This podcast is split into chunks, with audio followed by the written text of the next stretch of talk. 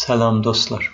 Tənqidin üçüncü bərnaməsində Charles Bukowskinin Mavi Quş şeirinə görə danışacağam.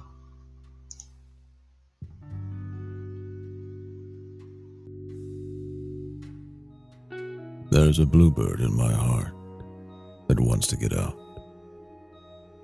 But I'm too tough for him. I say, stay in there. I'm not going to let anybody see you. There's a bluebird in my heart that wants to get out. But I pour whiskey on him and inhale cigarette smoke. And the whores and the bartenders and the grocery clerks never know that he's in there.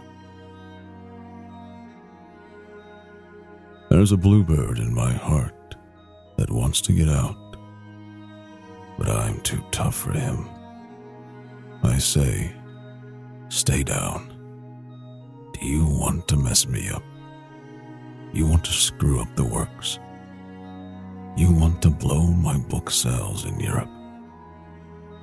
There's a bluebird in my heart that wants to get out, but I'm too clever. I only let him out at night sometimes when everybody's asleep. They say, I know that you're there, so don't be sad. Then I put him back, but he's still singing a little in there. I haven't quite let him die, and we sleep together like that, with our secret pact. And it's nice enough to make a man weep, but I don't weep. Do you?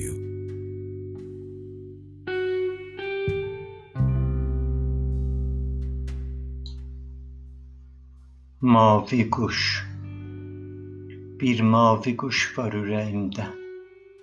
Çıxmaya can atır. Amma mən ondan güclüyəm, qal. Ona deyirəm kimsənin səni görməsinə izin verənmərəm Bir mavi quş var ürəyimdə çıxmaya can atır. Mən viski tökürəm üstünə Siqara dumanında boğuram onu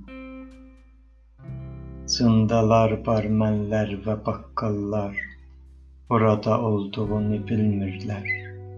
Bir mavi quş var ürəyimdə çıxmaya can atır.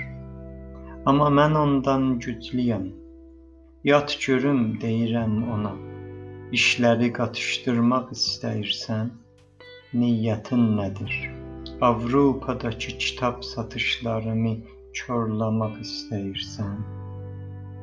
Bir mavi quş var ürəyimdə, çıxmaya can atır. Mən də ki bilirəm nə vardı, nə yox, zəkiyəm.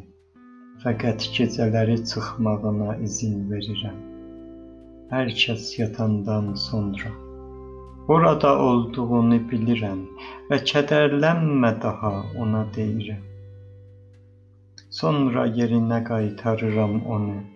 Yavaşca ötür, ölməyinə də izin vermirəm. Və birlikdə gizli anlaşıb yatırıq. Və bu kişini ağladacaq qədər gözəl. Amma mən ağlamıram. Və sən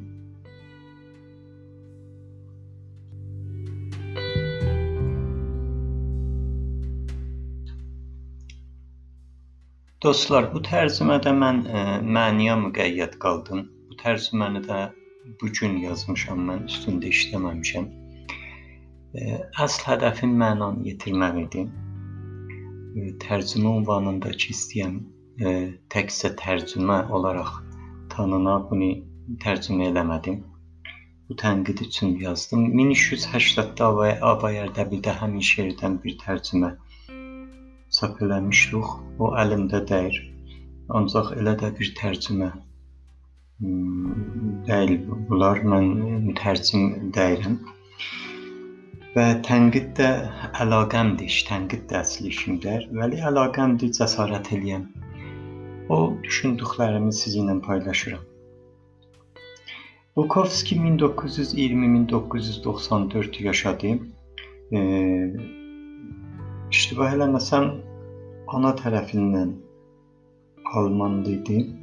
Amerikada böyüdü 2 yaşından e, Los Angelesdə. Sonra New Yorka gedir şeir üçün şeir yazmağa. Orada da 10 il e, şeir yazmır. Alkolü olur. 10 ildən sonra yenə şeirə başlayır. Bunun uşaqlıq xatirələrində bir atası bunu döyərmiş. E, bir də buna e, dostları, o bir uşaqlar çox zor deyərmiş. Çox etkiləyib bu xatirələr onu. Bir də ki, qadınlar bunu çox qovublar. E, təninin rənginə görə belə yazılır. Mən dəqiq araşdırmamışam. Və bu üç amil bunda çox təsirlər qoyub. Bu şeir e, sembolizmə dayanır, mavi quş. E, və ondan əlavə şeir texnik baxımından e, o şeylər ki mən görə bildim. İngilis dilində də bir iddiam yoxdur. E, bir həddə bilirəm. Bir vacarayı bu şeirdə çoxdur. Mən türkçəsini bilmirəm, üzr istəyirəm. E, alliteration, vacarayı. Bir də bu sətri ki mavi quşu təkrar eləyib özü də bir texnik sanılır. Reputation. Bu üç texnik bu şeirdə çox gözə dəyir və bir də ki dedim simvolizm üzrə. E, burada o şey ki bu şeirdə var, e, parçalanmış yenə bir şəxsiyyətdir.